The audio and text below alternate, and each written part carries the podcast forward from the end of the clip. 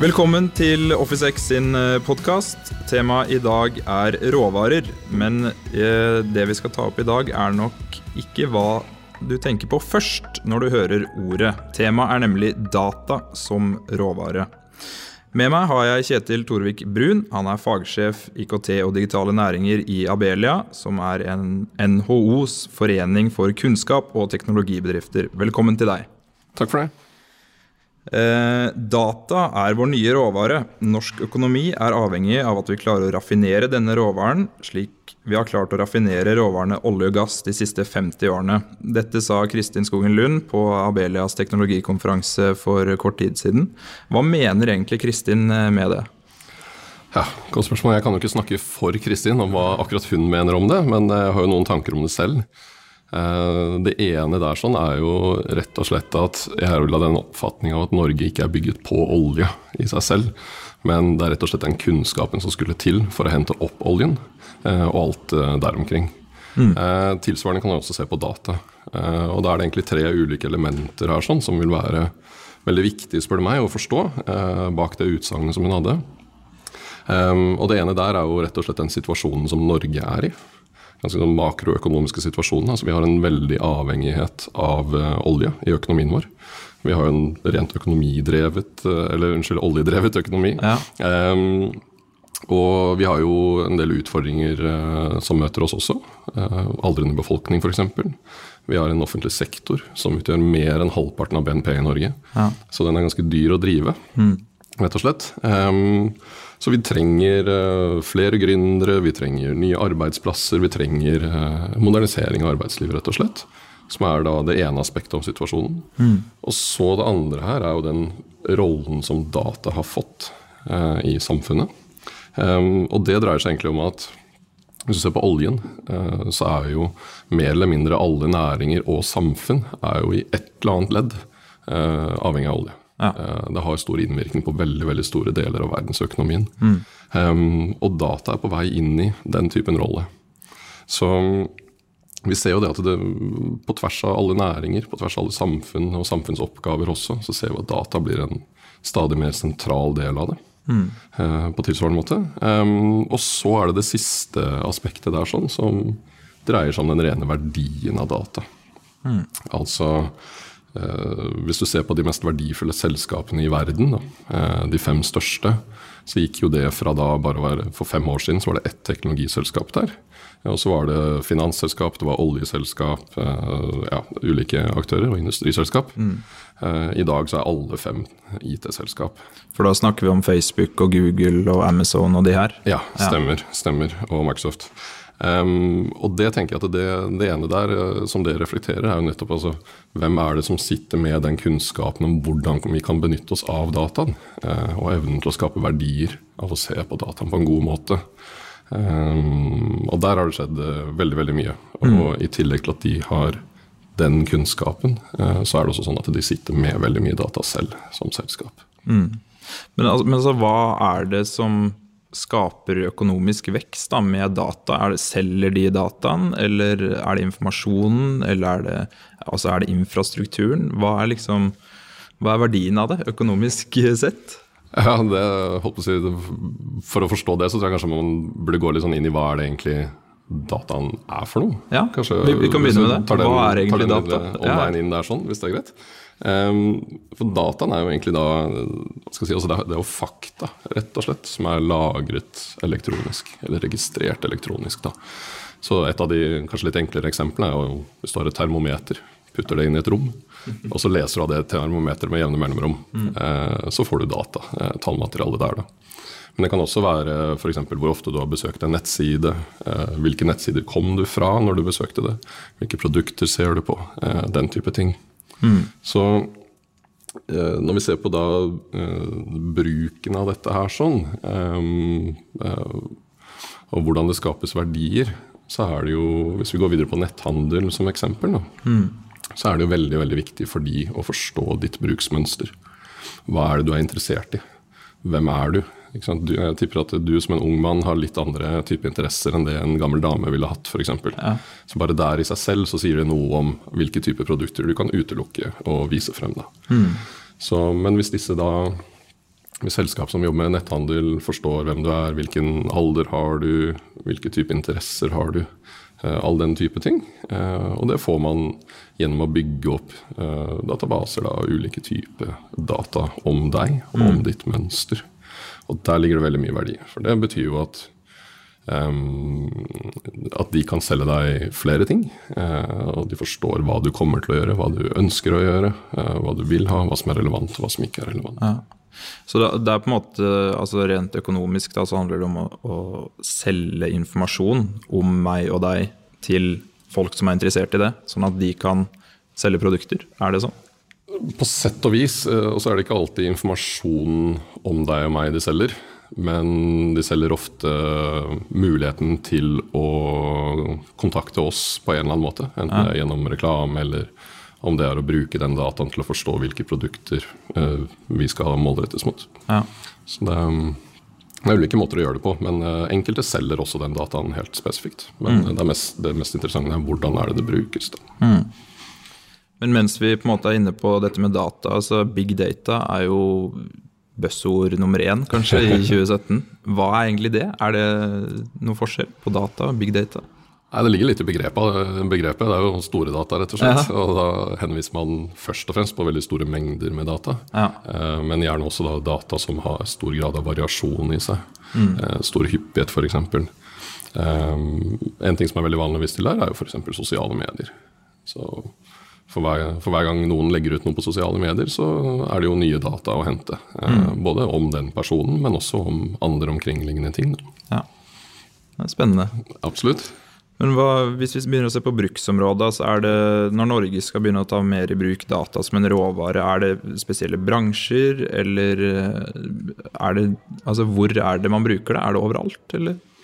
Ja, Det er jo det som er litt interessant med det som skjer nå, som vi står midt oppi, eh, med digitalisering av samfunnet. Ja. Eh, og næringsliv, offentlig sektor, oss som privatpersoner i det hele tatt. Eh, og det brer virkelig om seg, virkelig fort. Så det ene der er jo IT-bransjen i seg selv, som jobber med dette her som verktøy og tilrettelegger for det. Mm. Det andre er jo da eh, mer IT som enzym for andre. Mm. Altså hvilken verdi er det disse verktøyene kan gi til andre bedrifter? F.eks. Mm. en klesbutikk som vil gå på nett. Så Ved bruk av data så kan du kanskje få denne kunden til å ikke bare kjøpe sokker, men heller komme ut av den virtuelle butikken sin med en hel dress. ikke sant? Ja, ikke sant. Er det, er det snakk om f.eks. helsevesenet eller rettssystemet? kan de ta i bruk data? Alle kan ta det i bruk, ja. eh, virkelig. Eh, helse er jo et av de områdene som eh, vi ser at Norge har veldig mye god data på. Eh, vi har veldig gode helseregistre, som vi har hatt i veldig lang tid. Bygd opp på en strukturert og ryddig og god måte. Og er sånn sett veldig egnet for å drive forskning på, f.eks. Mm. Uh, og det kan jo igjen, uh, hvis man Her er det en balansegang mellom hvor restriktiv man skal være på bruken av data. Men hvis man åpner for å bruke dataen en del, så vil jo det komme veldig mange til gode. Mm. F.eks. bedre medisiner eller bedre hverdagstilrettelegging. Kanskje klokka di kan fortelle deg noe om aktivitetsnivået basert på din diagnose, f.eks. Ja. Da er det da snakk om eh, Vi hadde mm, et innslag tidligere om IBM Watson, hvis mm. du har hørt om det. Hvor de mm. da skal bruke datamaskinen til å gå gjennom millioner på millioner av journaler da, til mm. pasienter. Mm. Er det det det er snakk om? Absolutt. Ja. absolutt. Eh, og Watson er et veldig godt eksempel på kunstig intelligens. Eh, og maten til kunstig intelligens er jo data. Ja. Så jo bedre data man har, jo mer data man har, eh, jo mer effektive og presise er disse systemene. Mm. Så vi har jo f.eks. norske bedrifter som driver med kunstig intelligens på helsedata, som som har eh, nå nådd nye milepæler i, eh, i si, hvor god diagnostikk de kan drive med. Mm. F.eks. magesykdommer så er det en treffsikkerhet på oppi 96% nå på hva det er for noe. Mm. Bare ved å automatisk uh, skanne gjennom bilder. Da. Ja, spennende. Mm. Store muligheter der, altså. Ja. Så. Men jeg vil på en måte litt tilbake igjen til dette med Google og Facebook og Amazon og alle de her som sitter på så enormt mye data. og altså, Hvordan blir linken til Norge? Er det noe mm. sånn For at de kan jo selge vår, altså våre bruksmønster på Google f.eks. Mm -hmm. Men hvordan kan det gagne Norge? Altså Hvordan skal vi få til det? Ja, altså De store mastodontselskapene der ute de Si, altså det, det, som er litt viktig å forstå med dem, er at uh, de opererer ikke ene og alene for seg selv. Nei. de er avhengig av ganske store apparat rundt seg også. Ja. Uh, for noen år tilbake så, så vi på noen tall som tilsa at det var ingen selskap i verden og gjennom historien som hadde skapt flere dollarmillionærer enn det Microsoft har. Mm. Og det er ikke da bare i Microsoft som selskap, men det er jo da nettverket rundt. Så her er det altså ganske mange selskap som lever av å videreutvikle og bygge videre på den teknologien som selskap som Microsoft, Google, Facebook og andre eh, bygger på. Mm. Skape store verdier ut av det. Så jeg er litt opptatt av at man ikke bare ser på det som liksom de store kjempene som man må kjempe imot, ja. men heller som en veldig veldig stor ressurs. Eh, og bruke det med seg, da, og til sin egen fordel også. Ja. Det er fullt mulig. Ja, Nei, men det er bra. Jeg har lest uh, i en amerikansk undersøkelse at Norge har blitt rangert som et land som har hatt høy grad av digitalisering, men som nå er i ferd med å miste momentum. Altså, Hva mener de med det, og, og hvordan er det Norge holder på å miste det momentumet?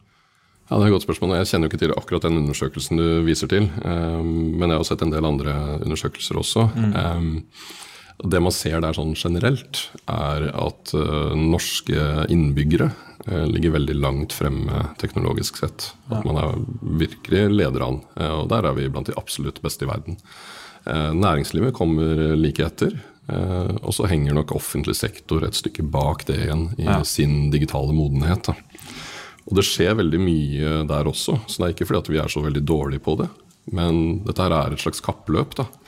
Uh, og her er det sånn at vi uh, leder, for så vidt, uh, og har gjort det en god stund. men vi ser at nå er det andre som begynner å løpe litt raskere enn oss. Ja. Så her gjelder det rett og slett å, å, få opp tempoet litt på de områdene vi ønsker å satse på. Ja. Og her er det jo et par ulike elementer som kan være verdt å trekke frem. og Det ene der er jo å se på norsk innsats på forskning og utvikling. Mm. Forskningen er jo i stor grad det som definerer hva vi skal leve av i, i fremtiden, for å sette det litt på spissen. Ja, ja. Um, og så var du inne på de amerikanske selskapene.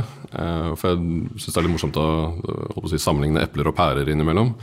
og, så hvis vi ser på de største selskapene, da um, som f.eks. Microsoft og Samsung, uh, Amazon, Alphabet Alphabet, en del av disse andre, mm. Så har de enorme investeringer i forskning og utvikling. Eh, og det er ikke bare i rene tall, men, men det er også da i andel av sin omsetning. Ja. Eh, og det nivået ligger veldig mye høyere enn hva vi gjør i Norge. Så hvis vi tar ett av de selskapene, eh, så ligger de på sånn omkring 12 milliarder dollar i forskning og utvikling i året. Og for å sammenligne det med Norge, da, så er det litt mer enn dobbelt så mye hvis vi tar all forskning fra det offentlige og det private og legger sammen. Så er det ett selskap har mer enn dobbelt så mye forskning som hele Norge til sammen. Det er helt vilt. Så det sier litt om situasjonen man er i der. Ja. Eh, men det sier også noe om at det er kanskje ikke nødvendig å se på det som et sånt fiendebilde, men at man heller ser på hvordan det er man kan drive en del åpen forskning sammen. Ja. Og utvikle dette og ta i bruk det som, eh, det som utvikles på en god måte. Mm. Så det er myndighetene som rett og slett må gå inn og bevilge mer til forskning? Ja, Det er det ene. Myndighetene er den ene siden av det. Eh, det andre er jo også private bedrifter. Ja. Og, se at med det tempoet vi har nå, stadig raskere utvikling Det krever mer å holde bedriftene oppe og flytende og vokse. Vi mm. ser jo at bedriftene lever kortere og kortere. Så både over statsbudsjettet å øke, øke forskningsbevilgningen der, men mm. også fra private også å se hvor mye er det man egentlig legger i å investere det i nyutvikling. Ja. Nye måter å drive businessen sin på. Ikke sant? Men hva, hva, kan skje hvis vi ikke gjør det her? Hvis vi fortsetter å, å på en måte legge bak? da? Nei, Da er jo jeg bekymret for velferdssamfunnet vårt. da. Ja. Eh, vi har jo levd veldig godt veldig lenge eh, på olje, og gjør det fortsatt. Uh, alt tilsier jo at vi kommer til å gjøre det en stund til. Mm. Men vi, vi, ser jo også at det kan jo skje en del på etterspørselssiden etter olje også. Ja. som man sier, så det, var det liksom ikke at mangel på stein som gjorde at steinalderen tok slutt. Det er, man finner på nye, smartere ting. Ja. og vi er i en situasjon i verden hvor vi trenger å finne på nye og smartere ting, og få flytte til også. Mm. For Norge så betyr det at vi også må finne på nye, smartere ting å gjøre. Mm. Eh, har du noen tanke om hvilket potensial Norge har? Er det sånn det er sky's the limit, eller er vi på en måte Ja, har vi noe potensial? Ja, absolutt. Vi blir jo, jeg så Nettopp i morges så, så jeg en undersøkelse fra Finland som definerte Norge som verdens mest digitaliserte land. Oi. Så her ligger vi, vi ligger jo fortsatt foran. Ja. Så kan man diskutere om de bak oss løper litt raskere enn oss eller ikke. Men vi ligger foran, og det kan vi bruke. Um, så et av de områdene som jeg syns er spennende der, er jo smarte byer. Eh, og der har data en helt uh, sentral og avgjørende rolle i det. Um, og innenfor smarte byer så dreier veldig mye av det seg uh, om hvordan man kobler ulike typer data med hverandre. Så et eksempel der er jo hvis vi kobler uh, trafikkinformasjon fra Drammen og fra Lillestrøm med informasjon om trafikk fra Oslo. Så kan vi koble det igjen uh, sammen med luftkvalitet og værprognoser og den type ting. Så kan vi si noe om luftkvaliteten i Oslo på gitte tidspunkt. Men hvis vi igjen kobler det til helsedata, om hvem er det som har utfordringer med lungene sine i Oslo, så kan vi faktisk da sende ut en tekstmelding eller hva det måtte være, og gi en liten advarsel til de som sliter med lungene sine, om at hør, om en times tid så kommer luftkvaliteten til å bli dårligere. Kanskje du skal drøye litt med å dra på jobb i dag, eller uh, bli inne en liten stund til. Så du slipper den dieselforbudet som eh, alle i Oslo må la bilen stå istedenfor at eh, de eh, hundre som har litt problemer, blir hjemme. Sånne ting, ja. sånne ting. Så Det viktige der er at det er jo en sånn klassisk vinn-vinn-vinn-situasjon. Altså Individet vinner på det fordi man slipper den innleggelsen, man slipper smerter, man gjør ting mer holdt på å si, komfortabelt enn det å være innbygger. Um, og det offentlige sparer penger på det, færre innleggelser. Og i tillegg så er det da gjerne sånn at private næringslivet kan jo bygge disse løsningene. Og sånn sett så bygger man opp veldig viktig kompetanse på det å ta i bruk data. Ja. Og den kompetansen, den kan vi eksportere. Ja. Men Det er spennende. Men er det altså, trenger vi noe infrastruktur sånn for å ta i bruk all denne dataen? Må vi ikke ha enorme servere og sånne type ting? Ja, altså Datasenter eh, det er jo virkelig et, eh, en næring i vekst. Ja. Eh, Det er jo enorme mengder med data som skal lagres. Mm, så at det var en forskningsrapport fra Berkeley i 2002 som sa at i løpet av 2002 så hadde de gjort et estimat på at det ble lagret ca. 5 exabyte med data. Altså for å forklare hva- hvor mye er det? Skal jeg prøve å forklare det? Altså Det er da 1 million terabyte, er 1 exabyte. Oh, Og herregud. 1 terabyte er 1000 gigabyte. Ja. Og 1 gigabyte er jo da 1000 megabyte igjen, så vi begynner å snakke ganske Ja. mange nuller eh, i disse ja. tallene her. Men det som er interessant der, sånn er jo for så vidt ikke hva som ble laget i 2002, men i dag så produserer da seks ganger så mye som det Oi. hver eneste dag. Så dette her er virkelig en eksponentiell økning, og datasenteret er, eh, er virkelig en viktig næring, for det er selve motoren i Mm. det moderne næringslivet som vi ser det. Men er det, altså er det noe som myndighetene må bygge, eller skal det være privat? Nei, altså Vi vil jo helst ha private eh, aktører på datasenteret. Ja. men det som er en veldig viktig oppgave for myndighetene og politikerne, er å legge til rette så vi får eh, faktisk til å bygge disse i Norge. Og Der dreier det seg om en rekke ulike ting. Eh, det ene er f.eks. avgifter på bruk av energi. Der er det en del. Eh, tilgang på god fiber og diversitet. Vi må ha mange fiberkabler inn og ut av landet. God tilgang på det eh, internt i landet. Vi har jo veldig grønn eh, energi. Eh, det er kjempebra. Det er et stort konkurransefortrinn. Så jeg har troen på at med noen regulatoriske endringer så har vi mulighet til å tiltrekke oss flere av de store sentrene. Men vi har også mulighet til å bygge opp en, en sterk datasenterindustri i Norge. nå. Det er kult. Men jeg har hørt, altså det er jo en del eh, blant Jeg skal ikke, kanskje ikke nevne navn i denne podkasten, men det fins bedrifter da, som har sine datasentre i bl.a. Øst-Europa. Ja. Eh, og jeg tenker jo litt sånn som en bekymret borger at eh, hvis all min data er lagret et sted i Øst-Europa, så er det jo veldig enkelt for de å eh, kanskje hacke seg inn og stjele det. Eh, Mens eh, i hvert fall min tanke er at kanskje myndighetene burde ha noe eh, regulasjoner rundt nettopp eh, hvor dataen skal ligge. Altså den, hvor informasjonen min og din skal ligge. Har du noen tanker om det? Eller? Ja, altså For det første så finnes det jo veldig mye reguleringer rundt det i dag. Ja. Eh, så der har man jo noen klassifiseringer av ulike typer infrastruktur i Norge som stiller ulike grader av krav på sikkerhetsområdet. Ja. Eh, det andre er at det er veldig viktig å tenke at det er ikke, det er ikke nødvendigvis sånn at det om datasenteret ligger i Øst-Europa, eh, det har ikke noe å si for om det for østeuropeere er enklere å hacke seg inn der. Nei. Fordi det foregår på et logisk og virtuelt plan, og ikke Ja. på det fysiske. Så du finner vel neppe steder i området, bortsett fra kanskje enkelte sånne type Pentagon og sånt, eh, som er sikrere enn Ja. datasenteret. Okay. De er virkelig, Sikkerheten er i høysetet der. Virkelig. Langt sikrere enn de aller fleste holdt på å si, serverparker rundt omkring i kjellerne hos bedrifter eller myndigheter. Så det som er veldig viktig å konsentrere seg om her, sånn er ikke egentlig hvor er det det er plassert. Det er hvordan er det den logiske sikkerheten og virtuelle sikkerheten blir ivaretatt. Ja. Og der er det også veldig mye som teller for store datasentre. Mm. Her bruker man informasjon om, som man får fra brukerne. I bruken av disse datasentrene så bruker man gjerne kunstig intelligens til å forstå hva er unormal atferd. Eh, og sånn sett så bygger man også sikkerhetsnivået sterkere og sterkere og sterkere. Og for å få til det så trenger man mye data. Så jo større datasenteret, eh, jo mer sikkert kan man ofte si at det er. da. Okay. Det er ikke alltid tilfellet, men det er, eh, Ja. det er på en måte en slags grunnregel. da. Det er interessant. Mm.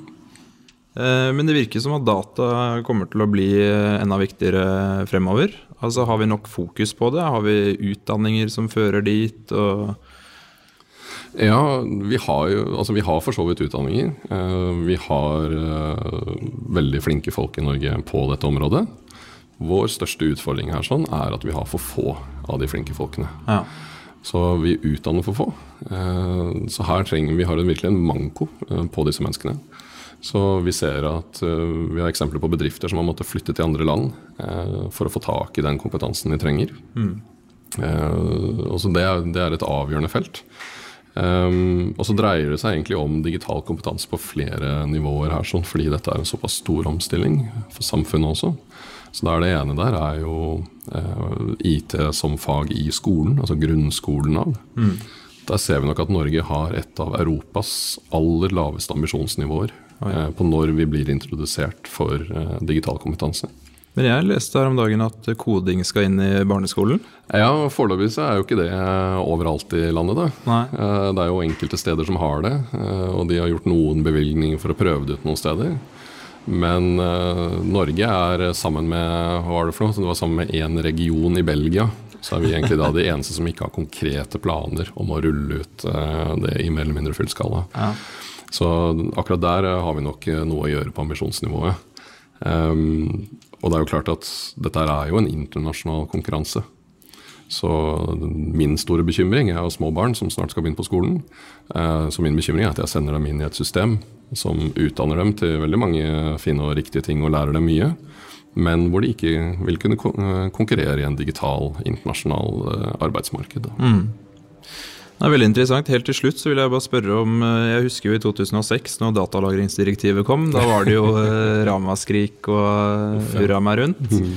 Eh, Har folk noen grunn til å være bekymret for at dataen blir lagret? Jeg tror ikke man er trenger å være bekymret for at dataen blir lagret i seg selv.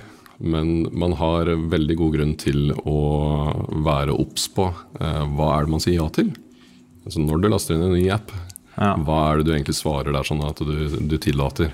Kanskje du ikke skal bare svare ja på alle områder. Eh, og der er det et viktig arbeid i gang.